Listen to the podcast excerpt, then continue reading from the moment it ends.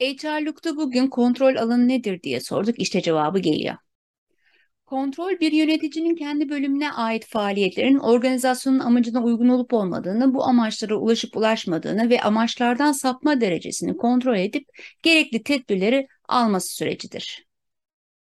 Kontrol alanı ise yöneticinin kontrol edeceği yani denetleyeceği faaliyet alanıdır. Bir yönetici faaliyetlerini yürütürken kendi asları, başka birimlerin asları ve başka birim yöneticileriyle ilişki içine girer. Yani bir yönetici faaliyetlerini yürütürken kendisinin ve aslarının hem kendisiyle hem de birbirleriyle olan ilişkilerini kontrol eder. Bu açıdan baktığımızda yöneticinin kontrol alanı yöneticiye bağlı uygun sayıda çalışan sayısıdır. HR'lukta bugün kontrol alanı nedir bilin istedik. Bizi takip etmeyi ve paylaşmayı unutmayın.